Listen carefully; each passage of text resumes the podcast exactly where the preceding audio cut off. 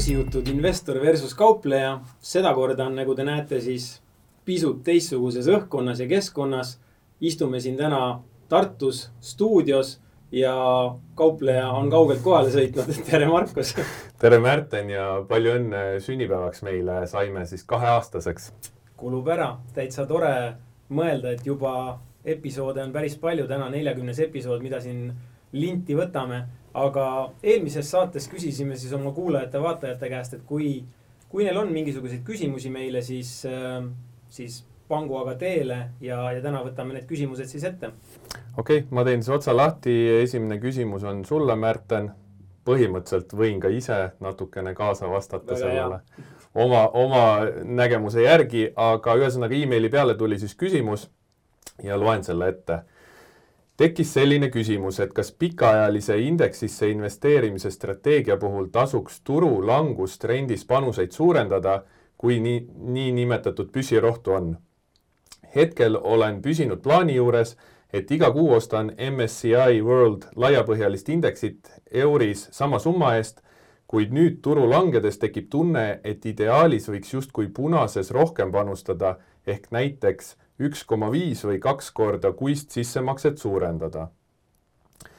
kui võimalus on ja jalg liialt ei värise, siis tundub justkui hea plaan. saatest jäi meelde muidugi see, et euris kauplev indeks pole veel karu käppa tunda saanud. samas teisalt paneb mõtlema, et sel juhul üritaks justkui turgu ajastada, mis teadupärast suuremal jaol inimestest ei õnnestu no nii, enne kui me asume siis äh, vastamise kallale, siis me peame ühe disclaimer'i ütlema, et, äh, et nagu ikka, kõik see, mis me siin räägime, on äh, selline informatiivne slaš meelelahutuslik sisu, et, et investeerimisnõustamise ja investeerimissoovitusega me ei tegele.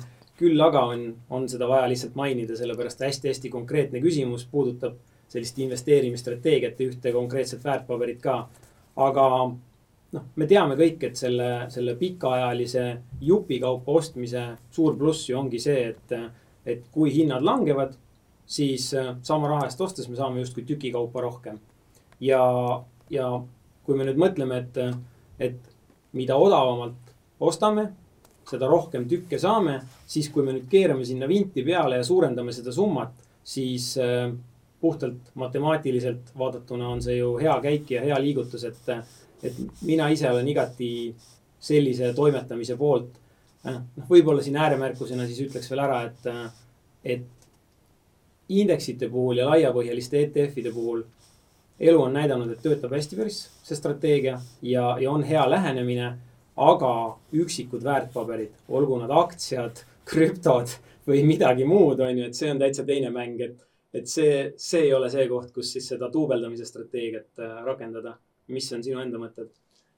tead, minule see küsimus äh, meenutas ühte, äh, nimi on martingale, mis on kaheksateistkümnenda sajandi Prantsusmaa tõenäosusteooriast üks pettimise süsteem, äh, mille kohta ma kunagi kuulasin ja selle mõte on siis see, et kui tehakse panuseid, siis iga kord, kui on kaotus, siis sa duubeldad oma panuse suurust. see on justkui nagu kasiinos on ju, et ruletilauas panustad punasele, tuleb must, teed järgmise topeltpanuse, tuleb jälle teine värv, teed uue panuse ja minule selline äh, nii-öelda toome siis siia langeva turu, on ju, kus mm. turg läheb sinu vastu ja sa tegelikult kaotad raha, isegi kui sa ei ole seda realiseerinud. minu jaoks, noh, ei ole vahet realiseerimata või realiseeritud kahjum, kahjum on kahjum, on ju, sa kaotad see hetk äh, raha. ja sa tegelikult, küsimus oli siin, et duubeldada siis oma panuseid sinna langusesse mm. -hmm ja minu mõtteviis kauplemises on vastupidine, mis on anti-martingale, mis tähendab seda, et kui turg läheb sinu vastu, siis sa võtad riski vähemaks ja kui asi pöörab ja läheb sinu, sinule sobivas suunas, siis sa vastupidiselt suurendad oma panuseid. ehk äh, mina üldiselt ei poolda seda viisi, küll aga kui ma seda teeks, siis ainult selles samas MSCI World laia, laiapõhjalises indeksis. sest see indeks ise on juba kauplemissüsteem mm. -hmm. et, et tema ostab seda langusel juurde, aga tegelikult ta ostab äh, siis odavamalt seda kauplemissüsteemi, mis seal indeksi sees ise äh, korrigeerib ja, ja vahetab neid ettevõtteid äh, turukapitalisatsiooni järgi, ehk siis ta tegelikult vahetab kaotajaid võitjate vastu välja. see on mõnes mõttes huvitav, et sa selle martingale'i nüüd jutuks tõid, et, et ma ei tea, kas täna on nüüd see koht ja see saade, et sinna sukelduda, on ju. aga, aga see oli suurepärane näide, see kasiino näide, sellepärast, et ähm, seal iga uus bet, iga uus tulemus ei sõltu eelmisest. aga kui me räägime globaalsest aktsiaindeksist, siis mida sügavamale ta vajub, seda rohkem ta siis tõmbub tagasi või hakkab tekkima see magnet, see tagasipöördumine keskväärtuse juurde. kui me vaatame väärtussuhtarve või, või mingisugust trendi või mida iganes. Et ma ütleks, et seal meil ei ole tegu äh,, inglise keeles on independent, eesti keeles, kuidas siis statistikas öeldakse, iseseisvad või sõltumatud sündmused.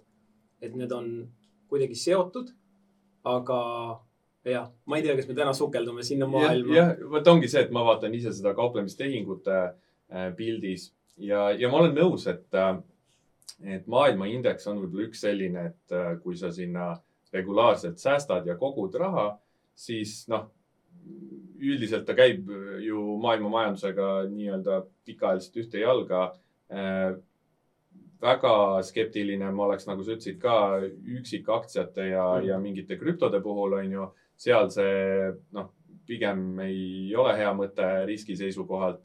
aga ka üksikriikide põhjal, noh näiteks, et ainult USA indeksid ja. või ainult Inglismaa indeksid või Euroopa.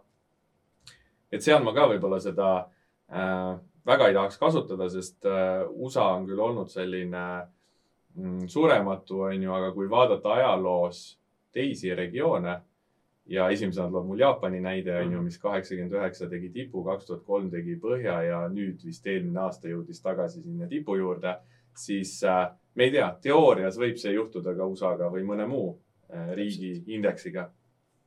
aga maailmaindeks jah, kuna ta reguleerib siis üle maailma ennast äh, võitvatesse aktsiatesse, siis kui midagi, ütleme siis nii, et kui midagi paremat ei oska oma rahaga börsil teha, siis ma teeks. jah, ja mina ütleks ka, et kui kusagil üldse duubeldada, noh, see tegelikult ei pea olema duubeldamine, et, et äh, piisab ka ju sellest, kui sa kakskümmend viis või viiskümmend protsenti suurendad seda summat ja, ja, ja alati tasub minu jaoks, minu arvates enda jaoks läbi mõelda, et mis siis, kui see langus kestab kolm kuud või üheksa kuud või kaks aastat, on ju. et, et kui kiiresti sa oma selle, selle varu ja püssirohu siis, siis tööle paned. aga liigume järgmise küsimuse juurde ja küsimus sulle puudutab siis üllatus-üllatus on ju kauplemist Äh, Karin küsib, et kuidas sa tagad kõrge success rate'i ehk edukuse määra oma uuel saja dollari päeva kauplemise strateegial. Äh, sest tema arvab, et äh, see risk reward suhe kaks ühele tundub tema jaoks selline täiesti ulme mm. -hmm. aga viska siis see slaid ka ette, et ma võtsin endale abiks siia ühe sellise lihtsa tabeli, et seda mõtet kirjeldada ja, ja slaidil on siis risk reward tabel äh,, riski suurus äh,, tulususe suurus ja, ja kolmandas tulbas on äh, break-even win rate ehk siis võidumäär, mis on vajalik, et äh, omadega nulli tulla. et äh, noh, seal keskel kohe on näha, et kui äh, risk ja tulusus on üks-ühele, on ju, siis viiskümmend protsenti, pooled on võidud, pooled on kaotused sama suured, siis on nullis. ja, ja selle rohelise kasti ma tõmbasin sinna ümber, kus ma põhiliselt toimetan ja, ja seni olen toimetanud, ehk siis äh, riskin ühe dollari, et teenida kaks dollarit või riskin ühe dollari, et teenida kolm dollarit ja siis on mul vaja Eh, võidumäära eh, vastavalt siis kas üle kahekümne viie protsendi või üle kolmekümne kolme protsendi, et olla kasumlik selle riskitulususe suhtega mm. -hmm. ehk siis minu võidud on suuremad kui, kui kaotused, aga mul võib olla siis äh, näiteks saja tehingu kohta kaotusi tegelikult arvuliselt rohkem, aga ma olen ikka kasumis. Ehk siis ma ei äh, pööra tähelepanu sellele, palju arvuliselt on võite-kaotusi, sest võidud oleks piisavalt äh, palju suuremad ja see tekitab äh, kasumi.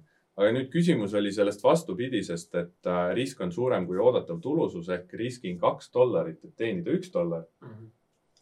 ja seal on kohe vajalik suurem võidumäär ehk siis nagu tabelis näeme, kuuskümmend seitse protsenti ajast peab olema õigus, et olla nullis ja seal ma rääkisin ka sellest eelmises saates, et et see oodatav võidumäär oleks kaheksakümmend protsenti, on ju, noh, Mhm. mis on päris kõrge.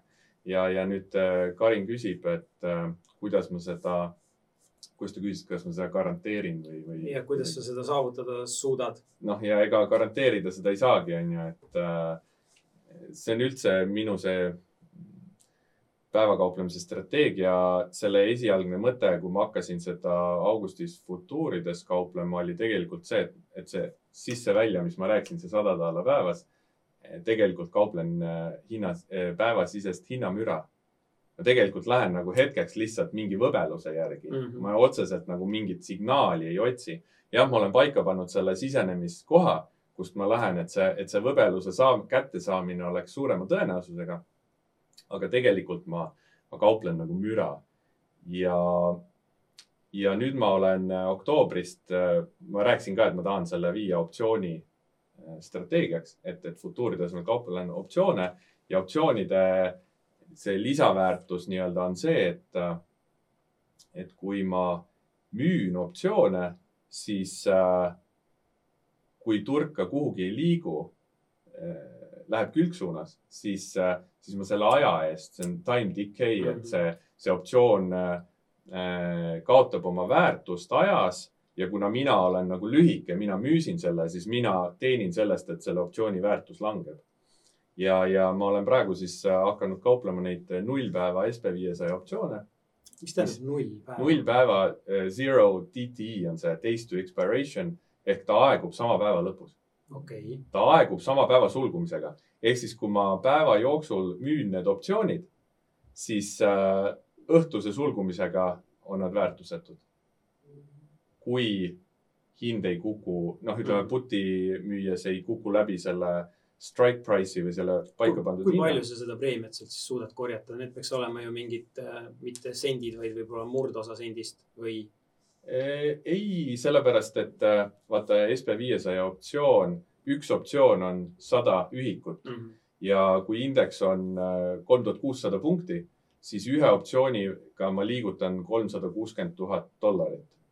nüüd äh, ma simulatsiooni ja paberrahakontol proovisin ka volatiilsel päeval lihtsalt äh, ilma kaitsva optsioonita kaubelda, lihtsalt müüsin puti ja vaatasin, mis saab. ja volatiilsuses lihtsalt see kolmesaja kilone positsioon seal üles-alla ja, ja väga selline noh, juhuslik ja, ja võib-olla mitte väga kindel tehing, aga, aga nüüd ongi see, et kui päevasisene paanika on turul, ma müün sinna alla selle, kui ma eeldan, et see nii-öelda mingi põhja for, tekitamine hakkab, siis ma müün sinna alla put optsiooni ja ostan ise allapoole kaitsva put optsiooni.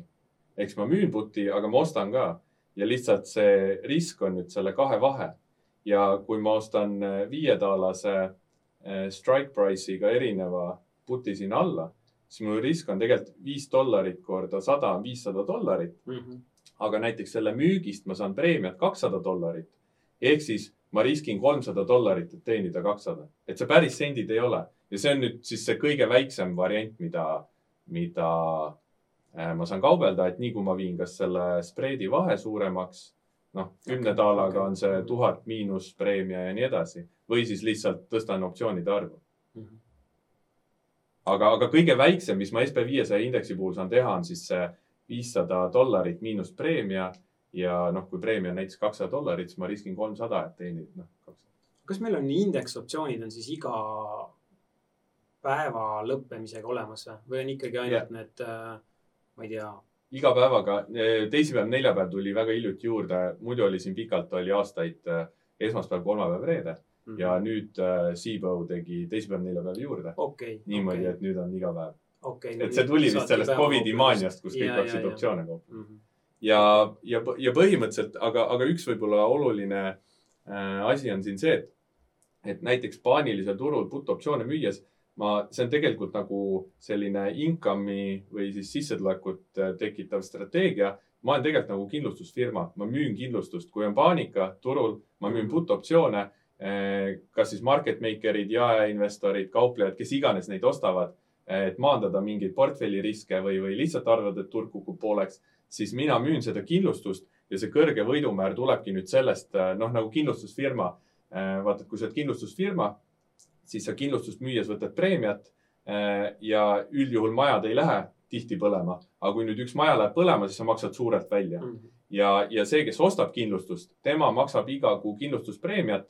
Äh, ehk siis tal see nii-öelda võidumäär on nagu madal, et, mhm. et kui siis see maja läheb põlema, mis noh, jutumärkides rahaliselt on tema jaoks võit siis makstakse see suurelt välja, see maja.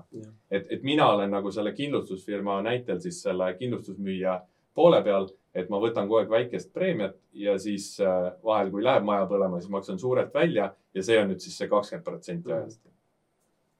no väga hea, tahaks seda statistikat äh, näha mingil hetkel siis, kui sa, kui sa seal nende optsioonidega aktiivselt mõnda aega toimetanud oled. jah, sest hetkel ma jah, ma olen sellega vähe tegelenud, ma testin ja ja vaatan, aga, aga eks, eks ma siis äh, annan teada, kui, kui seal ühes või teises suunas asi minema hakkab, kui majad põlema hakkavad, nii on.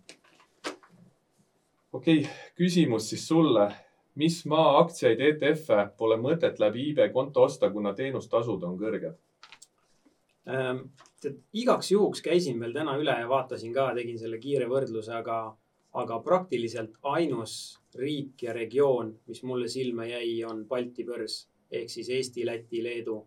et seal tehingutasu on küll väga madal, ikkagi seesama miinimum üks kakskümmend viis nagu teiste Euroopa börside puhul, aga seal lisandub siis kolmanda poole vahendustasu, mis on seitse eurot per tehing. mis sisuliselt tähendab seda, et miinimum, mis sa maksad Tallinna börsilt aktsiaid ostes läbi IB, on siis kaheksa kakskümmend viis justkui. jah, ja tead, mis sellega mulle meenub? mina ei ole muidu Balti börsilt midagi kunagi ostnud, aga ostsin kaks tuhat üheksateist Tallinna Sadama ühe aktsia kahe euroga läbi iibe konto, et minna sõpradega koos sinna aktsionäride koosolekule mm -hmm. noh, kohvi jooma ja kooki sööma ja siis seal istuda ja chill ida. ehk siis ma ostsin ühe kahe eurose aktsia ja IB-s maksin selle eest kümme eurot sisse ja kümme eurot välja, mida ma noh, ei teadnud, et, et. ja maksan. tegelikult sind ei tahetud sisse lasta, sest sa ei olnud aktsionäride nimekirjas ka veel. ühesõnaga see kahe eurose, kahe eurose aktsia eest ma maksin kokku kakskümmend eurot teenustasu ja ukse peal äh, siis ei olnud mind aktsionäride nimekirjas, sest IB alt vist IB nimel oli see või midagi, aga siis seal tüdrukutega sain niimoodi kokkuleppele, et ma aktsionäride äh, sellest äh, ma, ma ei saa osa võtta hääletamisest mm, -hmm. aga ma võin jääda sinna chill ima, onju. et seegi hea, sest sellepärast ma sinna läksin, onju. Aga noh, et see, et see näide, kui kulukaks see läks läbi iibe teha, kuigi siis mul oli veel iibe eraisiku konto ja siis oli veel see kümne daala kuutasu, kuutasu, mis läks tehingutesse ja kuna mul see konto niisama tegelikult seisis siis ma sain äh, ära kasutada seda, et ma üks kuu ostsin selle, teine kuu müüsin. et ma küll maksin kakskümmend eurot, aga ma oleks tegelikult kuutasuna selle nagunii maksnud mm. -hmm. mul ei olnud see rohkem tehinguid. aga noh, tegelikult sellele tehingutasude küsimusele ühe nüansi lisaks veel juurde siia, et, et, et kõiki neid asju ikkagi peab vaatama kuidagi komplektis, et, et noh, näiteks me võime välja arvutada ja hinnakirju võrrelda ja öelda, et odavam on osta Soome ja Rootsi aktsiaid näiteks läbi IB aga kui sa ostad neid äh, eesmärgiga koguda dividenditulu, siis äh, õige pea sa saad aru, et, äh, et Interactive Brokers peab kinni suurema summa tulumaksu ehk tulumaksumäär on kõrgem kui näiteks läbi Eestis läbi Swedbanki ostes, kus sa saad kohe ette ära täita oma residentsustõendi, saad selle maksumäära madalamaks ja nii edasi, et, et natuke tuleb seal arvestada siis, mis tüüpi investor sa oled ka, et et vahest ainult nende tehingutasude vaatamisest ei piisa. okei okay.. nii, aga järgmine küsimus sulle, et, ähm, et sa oled äh, meie omavahelistes vestlustes jaganud päris palju oma erinevaid strateegiaid, koolitustel ka ja, ja siin börsijuttude saates samamoodi. Aga tuli siis küsimus, küsimus, et, et kas sul on plaanis peale proovimist lõpuks välja valida ainult üks strateegia ja sellega jätkata või sa oledki see hunt kriimsilm, kellel on viis, seitse ja ma ei tea, palju sul neid nüüd on, üheksa või üksteist strateegiat, mida sa portfellis rakendad? no see hunt kriimsilm tuli nüüd sinu suust, see. see tuli minu suust, see ei olnud küsimus, onju. Äh, aga selles mõttes, et äh, noh, ma ei proovi enam neid strateegiaid, mis mul, kuhu ma olen ikkagi oma päris raha ja kapitali allokeerinud. et kui ma kauplen täna kümmet strateegiat ja seda üheteistkümnendat testin, millest me just rääkisime, see optsiooni päevakauplemisstrateegia siis äh, noh, ma ei nimetaks seda enam proovimiseks, et äh, proovin ikkagi kas siis simulatsiooni või, või backtest'i programmis. aga täna ma olen juba allokeerinud oma raha sinna ja ma ei näe mingit põhjust äh, ainult ühte strateegiat kaubelda, sest ma hajutan oma kauplemise äristrateegiate vahel. noh, see võrdlus oleks võib-olla tuua, et kui sul investorina on kümme erinevat aktsiat portfellis, kas sul on plaanis neist üheksa ära müüa ja ainult ühte hoida, on ju. noh, ilmselgelt ei ole, et see on mingi põhjus, miks sul on kümme aktsiat, et, et sa oled ära hajutanud kümne aktsia vahel ja täpselt samamoodi olen mina hajutanud ära oma kümne strateegia vahel äh,. igal strateegial on oma hea ja halb aeg vastavalt turu olukorrale, turu režiimile ja situatsioonile. Et äh, see ei oleks küll mõistlik ainult ühte strateegiat kaubelda hea vastus, hästi selgitatud. okei okay. äh,, küsimus. Märten, kas jagaksite valemit, mida kasutate õiglase väärtuse arvutamiseks? kuidas te suhtarvudest hinna leiate? sa küsisid seda nii ilmekalt ja selgelt, sellepärast et sa tead, et nüüd tuleb äh, veidi pikem jutt äh,. Tavaliselt äh, tõesti noh, täpselt nii nagu sina oma erinevaid võib-olla strateegiaid tutvustades, on see ühe terve veebiseminari või, või koolituspäeva teema, siis selle, selle väärtushinnangute, väärtussuhtarvude, valuatsioonide ja, ja õiglase väärtuse teema täpselt samamoodi, aga, aga püüame siis hästi kiirelt ja lühidalt äh, läbi käia. ehk siis, kui me räägime nendest äh, erinevatest väärtussuhtarvudest või niinimetatud valuatsiooni mõõdikutest, siis meil on kaks võimalikku viisi, kuidas neid äh, grupeerida. ehk meil on, esimene grupp on niinimetatud absoluutse väärtuse mõõdikud ehk midagi sellist, kus me saame välja arvutada, mis on selle ettevõtte või aktsia sisemine väärtus või õiglane väärtus. Inglise keeles kasutatakse sageli termineid fair value ja intrinsic value.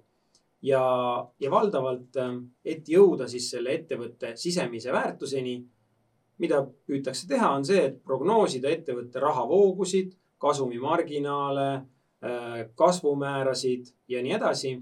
ja, ja selle pealt siis välja arvutada, mis see ettevõtte väärt võiks olla, et, et noh, nagu juba ise ka kohe aru saite, et, et me räägime siin prognoosimisest, me räägime mingitest hinnangutest, mingisugusest matemaatilisest valemist, kus on sisendid.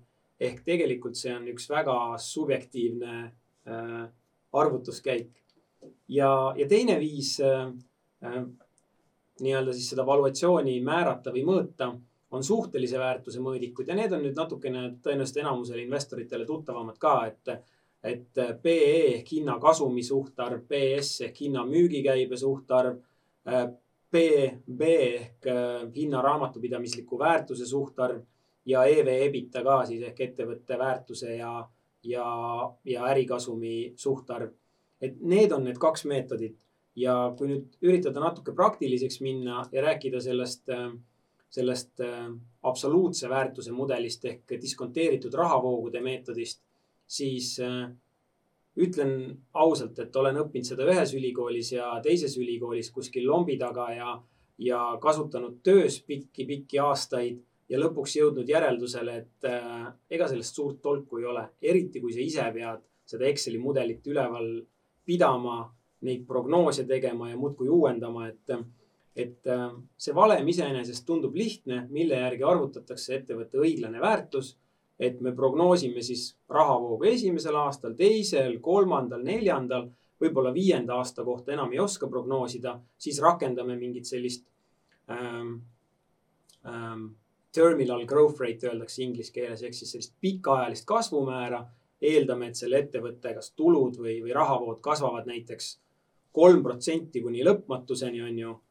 ja, ja siis lisaks peame kasutama ka, ka siis äh, diskontomäära, on ju, diskontomäärana me võtame arvesse kas ettevõtte keskmist kapitali hinda või teistpidi sisestame enda nõutava tulumäära, et, et see tähendab siis seda, et kui me nõuame oma investeeringult vähemalt kümne protsendist tootlust, siis kasutame seal kümmet protsenti, kui me tahame vähemalt viisteist protsenti saada, siis kasutame seal diskontomäärana viisteist protsenti. ehk see valem võib tunduda selline lihtne, aga tegelikult kogu see pott, neid sisendeid, mis sinna sisse läheb, noh, need on ikkagi äärmiselt subjektiivsed.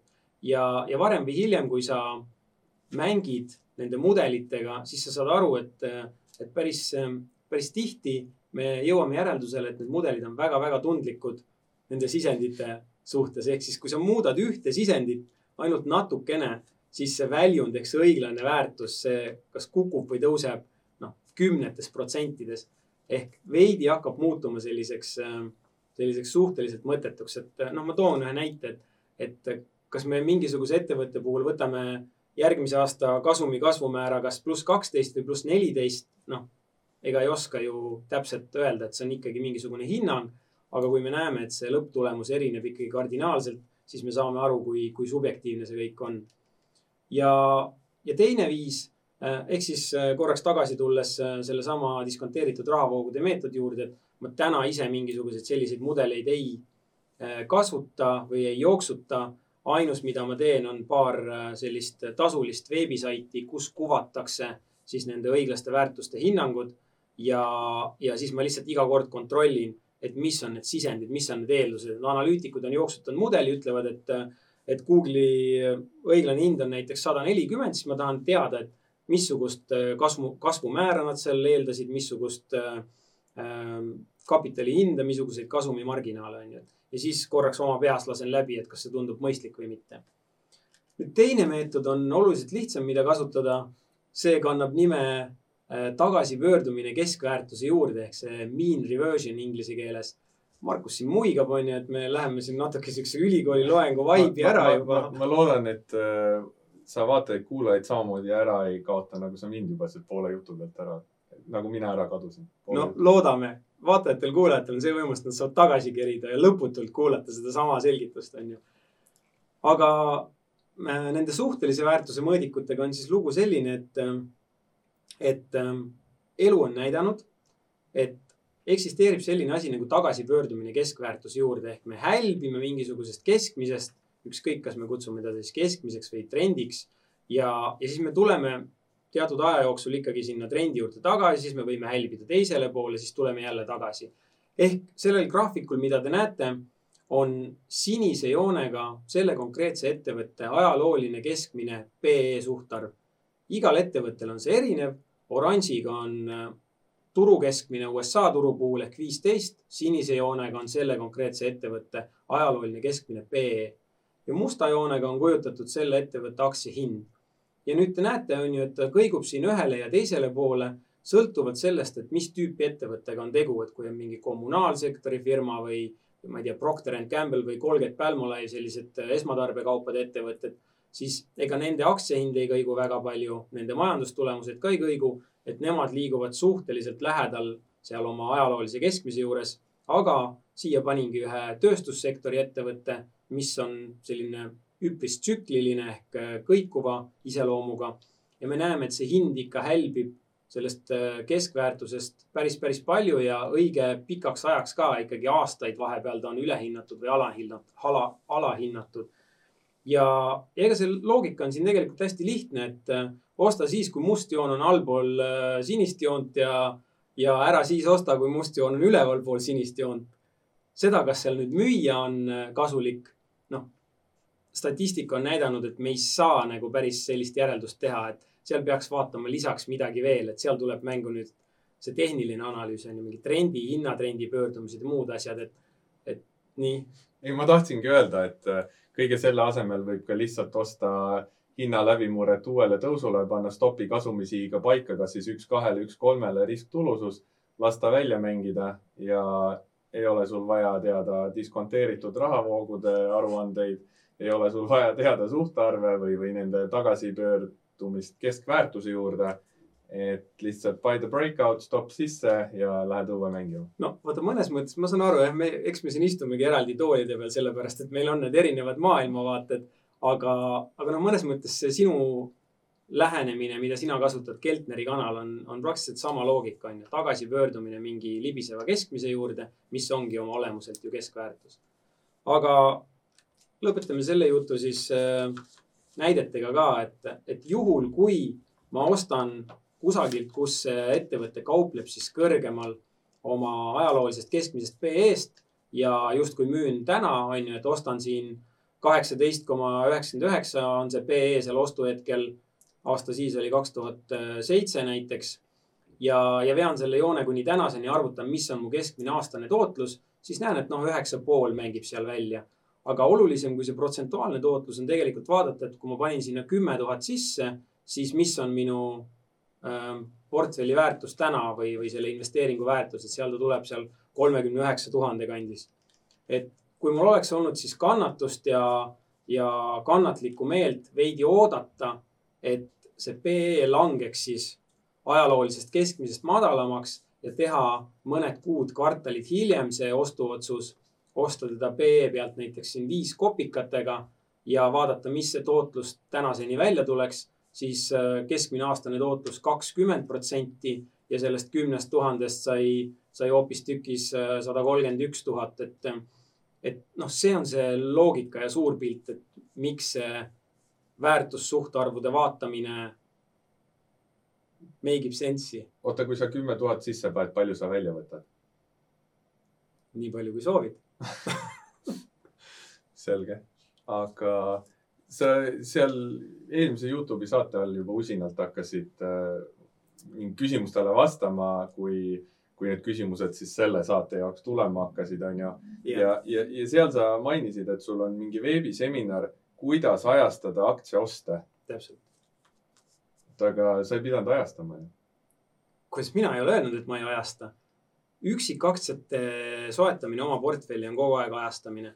Okei okay,, siis mulle jääb jah mulje, et äh, enamus investoreid on siuksed äh, kapikauplejad, et äh, ütlevad ära ajasta, osta, hoia, ära tee mitte midagi ja siis lähevad koju ja vaikselt hakkavad seal tehnilise analüüsiga osta. seda ma ütlen kohe, ma olen alati öelnud, ütlen nüüd ka kohe otse kaamerasse no.. nii kui sa haldad üksikaktsiate portfelli, sul on kaks täiesti eraldiseisvat otsust. esiteks sa üritad välja noppida need kirsid tordil, mingid head ettevõtted, ükskõik, mis need kriteeriumid on, on ju. mina näiteks vaatan siis dividendimakseid või, või ma ei tea, mingeid kasvumäärasid. aga täiesti eraldiseisev otsus, see number kaks on see, et ma vaatan, millal ma teda ostan, et ma ei maksaks üle, on ju, et siis ma sukeldungi siia maailma ja see on selgelt ostude ajastamine. kapi, kapi ajastaja, investor. ja ma isegi olen täitsa avalikult okay, ajastaja. okei okay., no nüüd sa oled avalik. nüüd sa oled avalik. nüüd olen avalik. kapist väljas. Nii. kas oli veel mingeid küsimusi? oli küll, ma arvan, siin küsimusi mm, tegelikult äkki tõmbame korraks, vahetame käiku ja, ja meenutame seda, Markus, millest me rääkisime täpselt kaks aastat tagasi ehk börsijuttude esimeses saates. meil oli seal paar teemat ja võib-olla minu jaoks kõige emotsionaalsem teema oli, oli Funderbeam ehk siis äh, salvestasime selle saate kas neliteist või viisteist oktoober kaks tuhat kakskümmend, meie esimese saate ja võtsin mina jutuks selle, kuidas neid idufirmasid siin Eestis ikkagi kuidagi haibitakse väga hoogsalt ülesse ja, ja näitasin toona ka Funderbeami indeksit. nüüd siin ekraanil näete te täpselt sedasama Funderbeami platvormi indeksit. vahepeal on kaks aastat mööda läinud. toona oktoobris kaks tuhat kakskümmend mulle tundus, et äh, meelsus on üle võlli, on täielik buum. hind seda toona ei väljendanud, aga meelsus ja, ja me näeme, mis sealt siis tegelikult äh, toimuma hakkas, on ju, et yeah et see oli see indeksi liikumine. kuidas sa üldse tagantjärele vaatad nüüd kogu selle Funderbeami ja idunduse ja kasvuaktsiate tralli peale, mis siin kahe aasta jooksul toimunud on? jah, nüüd on siis see saatesektsioon, kus, äh, mis meie tegelikult see börsijuttude mõte oli, et me ei tea ette ja, ja. teemasid, mida me üksteiselt küsime, sest mina ei teadnud, et sa, et sa selle asja ekraanile võtad ja mult küsid. aga tõesti väga nostalgiline ja huvitav on seda vaadata. Äh, sest äh, mina kaks tuhat üheksateist lõpus tegelikult aasta siis enne seda nagu esmakordselt vaatasin rohkem seda Funderbeami platvormi. Ja kuigi mul oli vist konto juba seal paar aastat olnud, siis äh,, siis ma vaatasin kaks tuhat üheksateist lõpus seal neid. Ja, ja minu meelest ma seal börsijutud saates kaks aastat tagasi ütlesin ka seda, et ma ei, lihtsalt ei leidnud või ei näinud endal seal mingit eelist. Nii et ma tegelikult ei teinud mitte ühtegi investeeringut ega ostu, ei ole siiamaani teinud Funderbeamis äh, ühtegi ostu. sest ma lihtsalt ei, ma ei näinud nagu mingit eelist, et ma lähen nüüd iduinvestoriks, äh, kuigi ma lugesin selle Kalakanise Angeli läbi, onju mm, -hmm. siis ma siiski, ma sain aru, et noh, et see ei ole nii ja, ja jään oma liistu juurde USA aktsiate börsi kauplemisele. aga kui ma seda graafikut vaatan, siis see on puhtalt trendikaupleja maa, et mängumaa, et sealt oktoober viisteist, kaks tuhat kakskümmend oleks, okei okay,, seal, seal veel ei olnud otseselt kinnitust, ütleme, et, et seal võib-olla kuu hiljem oleks saanud läbimurde kinnituse, läinud pikaks Äh, tulnud ilmselt välja jaanuari lõpp, veebruari algus ja saanud siis ühe valesignaali veebruaris, mhm. võtnud sealt võib-olla väikse kahjumi.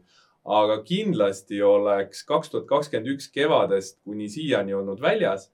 noh, a la pane kasvõi sinna mingisugune Bitcoini graafik kõrvale, nagu ma olen ise see aasta olnud Bitcoinist väljas, täpselt just sellise asja pärast. Mhm. et, äh, et ei tea, kui kaua kestab tõus või langus, lihtsalt võimalikul langusel võtad riski maha ja see on täpselt selline ideaalne trendikaupleja koht, aga mis sa ise arvad seal? no mu esimene tähelepanek on see, et me oleme nüüd ringiga tagasi täpselt seal, kus me olime kaks aastat tagasi, on ju, et sisuliselt round trip ja, ja kes on siis osta-hoia, neil pole nagu midagi ette näidata. et äh, meeletu rõõm, kolm-neli kuud ja siis natuke närvide mängu ja siis äh, aasta aega masendust nüüd praktiliselt, kui mitte poolteist aastat. et äh, päris huvitav, kui, kui kiiresti need asjad käisid, et vaata tavaliselt on ju, kui me räägime börsitsüklitest, siis enamasti öeldakse, et langused on kiiremad, on ju, et mm -hmm. tõusutrend on rahulikum ja langus on kiirem. aga kuna meil antud juhul oli tegu mulliga, siis, äh, siis see tõusufaasi viimane ots, see oli täielik hokikepp ja nüüd on see õhu väljalaskmine sihuke vaikne sisin olnud ja see venib ja venib ja venib, et, et ma polnud ise seda Vanderbeami indeksit ka vaadanud tõesti aasta pluss äh, vist äh, ise ka, et täitsa, täitsa huvitav praegu sellele pilk peale visata. jah, see on huvitav jah, sest ega noh, loomulikult peale seda suurt tõusu ka siin kohalikud investorid tagusid vastu rinda ja ütlesid, et nii hakkabki olema ega tagantjärgi oleme alati targad, et selles mõttes ei ole midagi ette heita. aga lihtsalt äh, kuidagi see sentimendi pool kipub niimoodi välja mängima, et siis, kui see eufooria on nagu kõige suurem, siis äh, hakkavad tekkima need tipud ja, ja samas noh, aga kus me siis täna oleme, on ju, et kui täna see äh, pessimism on, on nii suur ja umbes, et noh, Funderiga on kõik, on ju, noh, siis justkui sentimendi poolest oleks äkki mingi põhja tegemise koht, aga samas see on nii väike ja ebalikviidne turg, et seal võib lihtsalt minna aastaid sellist külgsuunast, külgsuunalist vindumist. et hakkaks jälle see usaldus ja huvi tekkima. et noh, see ei ole mingi Ameerika aktsiabörs, et, et seal juba tulevad institutsioonid ja kes iganes sisse, isegi kui, kui meelsus on kehv, on ju. noh, siin ei tea seda niimoodi. aga mulle küll tundub, et see on üks nendest graafikutest, mis võiks äh igaüks panna omale, no kui mitte seina peale, siis kuhugi maha salvestada ja korraks mõelda tagasi iseennast sinna, isegi mitte aastasse kaks tuhat kakskümmend, vaid pigem see kaks tuhat kakskümmend üks, sest mulle tundus, et kaks tuhat kakskümmend üks oli eestlaste meelsus oli väga-väga positiivne.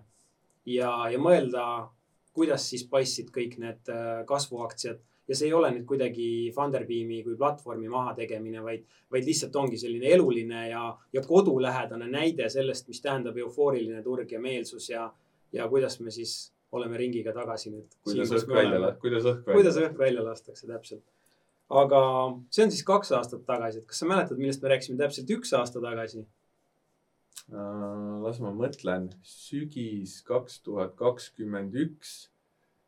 ma tean, et äh, mille, no me rääkisime mitmetest teemadest, kui ma mõtlen nagu tavaliseltki, jah. kui ma mõtlen lihtsalt, mida mina siis tegin, siis äh, september-oktoober vist oli turul sihuke tagasitõmme, ma olin ise ka drawdown'is. sinul äh, oli vist kõige halvem kuu üldse september. Soomes püüdsin kala ja ei mõelnudki võib-olla börsil. okei okay., no üks asi, mis mul silma jäi, oli see, et äh, me rääkisime sellisest ETF-ist nagu äh, IWM ehk siis Russell kaks tuhat USA mm -hmm. väikeettevõtted ja siin on viimase, pakun, et siin umbes kolme aasta graafik äh, natukene pluss ja rohelisega panin siis peale selle koha, millal me rääkisime äh, ehk täpselt aasta tagasi ja arutasime siis seda, et, äh, et kui need tasemed nüüd ei pea, sinna saab ilusti, on ju selle kuhugi sinna kahesaja silme ei võta, me siin stuudios istume nii, et nii et pilt on ekraani peal kaugel ka kakssada kümme äkki kusagil, et kui see kakssada kümme tase ei pea, siis, äh, siis me võiks lühikeseks minna väikefirmade aktsiates. ja, ja hästi huvitav olukord oli see, et, et põhimõtteliselt sihuke nädal-poolteist pärast meie vestlust, et, et täitsa potentsiaali on lühikeseks minna, siis oli selline fake breakout ja siis tuli ärakukkumine. ja, ja jällegi üks graafik, mis äh, minu arust tasub endale kuhugi maha salvestada ja meelde jätta, et, äh, et see on nüüd üks põhjus ka, miks ma püüan siis äh, tehnilist analüüsi ka natukene rohkem päevast päeva ja mida aeg edasi oma töös ja investeerimises kasutada. et maru hästi igasugused tasemed peavad ja hoiavad, et sina vist väga nende toetus- ja vastupanutasemete pooldaja ei ole, aga ei, ma vaatan ikka horisontaalseid jooni, aga mitte nii noh, mingi väikeste vahedega ja, ja lühiajaliselt, pigem siuksel pikaajalisel graafikul jah, siin selgelt silm haarab kakssada kümmet ja kahtesadat kolmekümmet, kus vahel ta külgsuunas kaks tuhat kakskümmend üks esimene pool pikalt äh, liikus. aga ma, ma nüüd täpselt ei mäleta, kas ma pigem ei olnud ka selles, et kui üle kahesaja kolmekümne läheb, et siis võiks pikaks minna.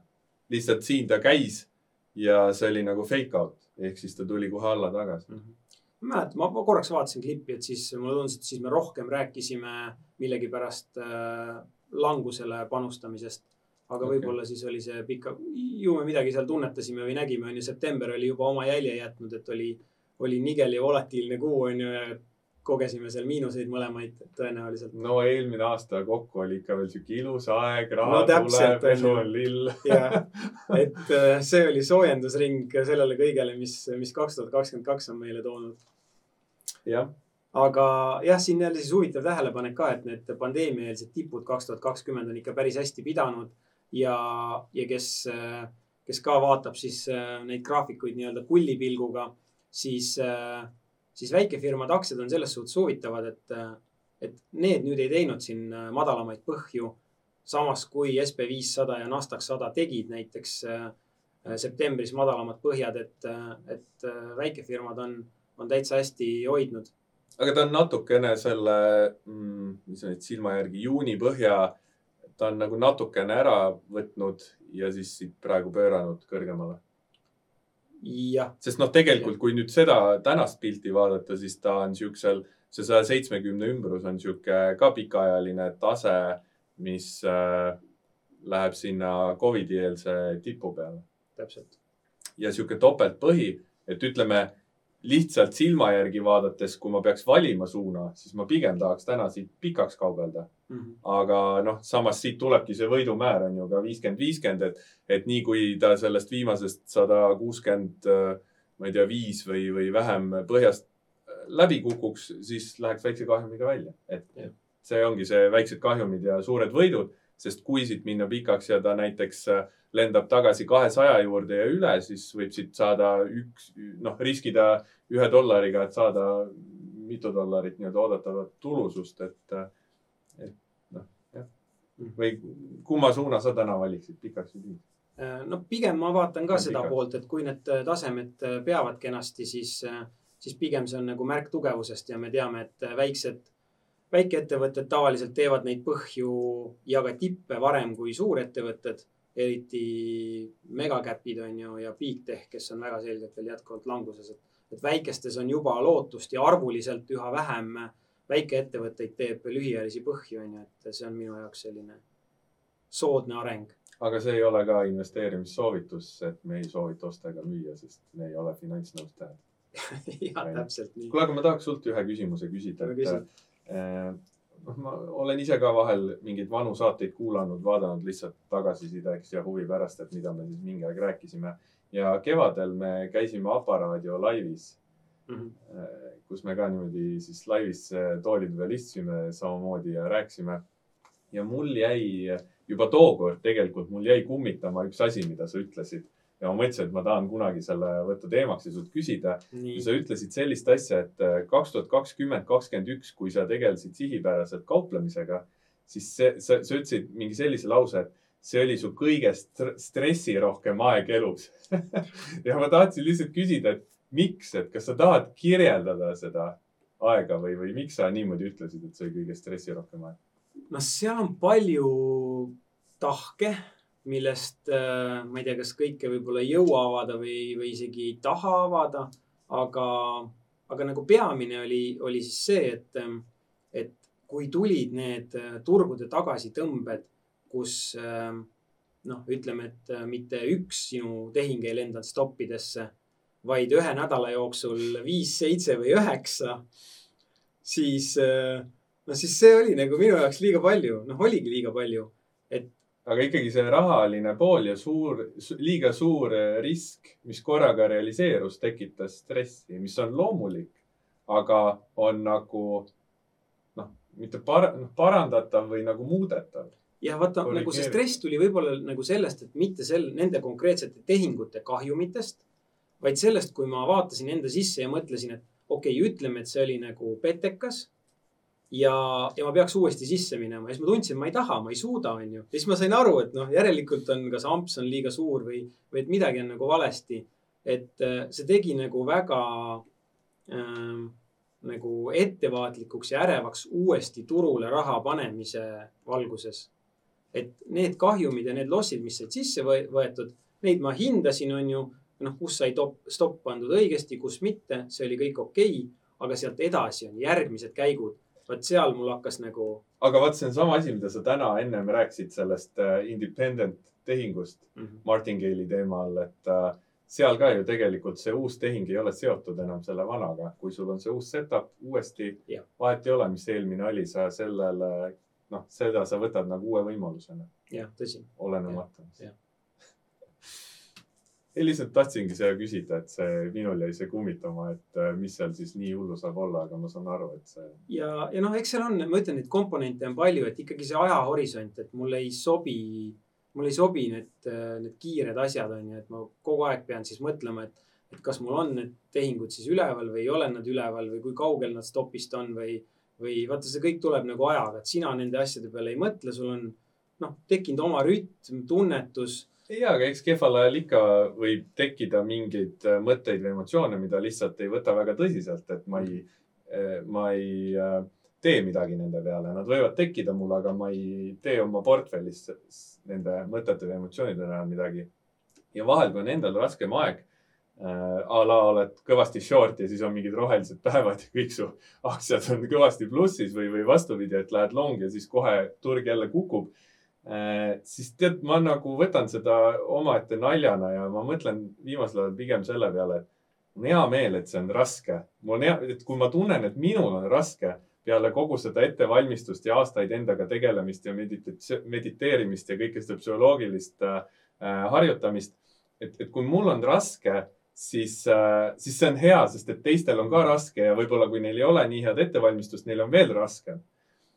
Noh, et konkurents jääb äh, hõredamaks et, et noh, hea oleks, kui ei jääks hõredamaks, sest et kellegi, et, et raha ju käib turul käest kätte, onju, et kellegi arvelt pead sa raha teenima. et selles mõttes konkurents on hea, aga ma pigem võtangi seda meeldiva väljakutsena, et äh, sellepärast ma tahangi seda teha ja, ja edasi minna, et see on raske, sest kui see oleks kerge, siis ei oleks ka neid võimalusi seda raha teenida.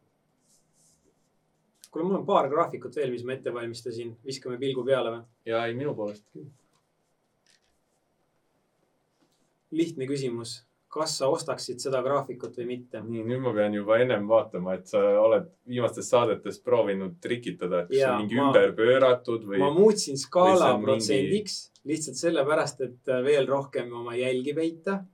okei okay, jah, sellepärast, et vaata, kui langused on siuksed äh, vaiksed või tähendab, kuidas siis öelda. ja siit isegi praegu selle nurga alt on raske nagu arvata, et mis pidi see võib olla pööratud. ma teen asja lihtsamaks ja ütlen, et see ei ole ühe konkreetse väärtpaberi graafik, see on ratio ehk siis ühe äh, ETF-i suhtarv teise ETF-i. okei okay.. Okei okay,, sa oled nüüd siin pannud ilmselt mingi kasvu ja väärtuse või midagi, et, et sa tahad kuulda seda, et ma ütleks, et ja ma ostaks neid dividendiaktsiaid ja kommunaalettevõtteid ja neid igavaid ma mingeid nagu dinosauruseid, mis kuhugi ei liigu no nii low-ball käike ma ka ei tee vast. aga, aga ilmselt siin on kas mingi energiatehnoloogia või, või väärtus ja kasv või mingi selline, ma arvan, siin on. aga noh, hetkel on jah, trend on üles, nii et äh, kas siis peaks neid äh, energia dividendi ettevõtteid ostma? Huvitav on ju, et me näeme, et kui siin on jagatud siis SB viissada jagatud äh, sellise ETF-iga, mis kajastab äh, home builderite äh, ettevõtteid. no selle peale poleks tulnud. täpselt ja mina ka ei oleks ju, kui ma avastasin, et, et suhteline tugevus sellisest kohast nagu home builder'id ehk siis nagu ehitus ja arendus, kinnisvara arendusfirmad. see on siis tavaline graafik, ainult, ainult see, mis see tikker seal on, XHB, XHB jah. Jah. et, et päris huvitav, et ta on oma juuni põhjadest kenasti kõrgemal ja, ja näitabki võrreldes kogu turuga suhtelist tugevust, et, et kui me vaatame, kuidas kinnisvarafirmad, ma räägin ennekõike siis riitidest ja kinnisvarafondidest, kuidas need on viimastel nädalatel pihta saanud ja siis avastada, et on mingi selline segment turust, mis äh, näitab suhtelist tugevust, siis äh, nagu väga huvitav. see on suhteline. tugevus, aga silma järgi ütleks, et ta on ilmselt allapoole kahesaja päeva libisevat keskmist ja pikaajaliselt ikkagi veel languses. no vot. kuule, aga rohkem mul graafikuid ei ole ka, et aitab üllatustest. on ehk aeg joon alla tõmmata. tahtsin midagi toredat öelda meie kuulajatele, vaatajatele, kes on kaks aastat meile pöialt hoidnud, vedanud omavahel kihla, et äh, kumb siis jääb peale, kaupleja või investor. ma ütleks, et äh, ma soovitan selle osta-hoia skämmi, skämmiga mitte kaasa minna, et äh, ikkagi tõusul olla investeeritud ja langusel võtta riski maha. mis sa arvad? mina ikkagi jään oma liistude juurde ja ütlen, et äh, vähemalt viiskümmend protsenti portfellist pikaajalistes äh, globaalsetes indeksites või laialt hästi hajutatud ETF-ides ja ülejäänud poolega võib siis olla see avalik ajastaja või kapi ajastaja üksikaktsiate osas, et, et mina tunnen, et mulle on see strateegia mokamööda ja sobib hästi. no see on siis hea sõnum selleks, et äh, ilmselt tuleb neid saateid meil veel. et äh, ei ole veel jõudnud äh, konsensusele, seega me ei saa, jätkame vaidlemist. et, et me peame jätkama vaidlemist. nii, kuule super luks. Davai. Kuulmiseni, nägemiseni see saade on meelelahutusliku sisuga. Me ei soovita osta ega müüa ühtegi finantsvara. iga inimene on vastutav oma finantsotsuste eest. iga finantsotsus võib viia kapitali kaotuseni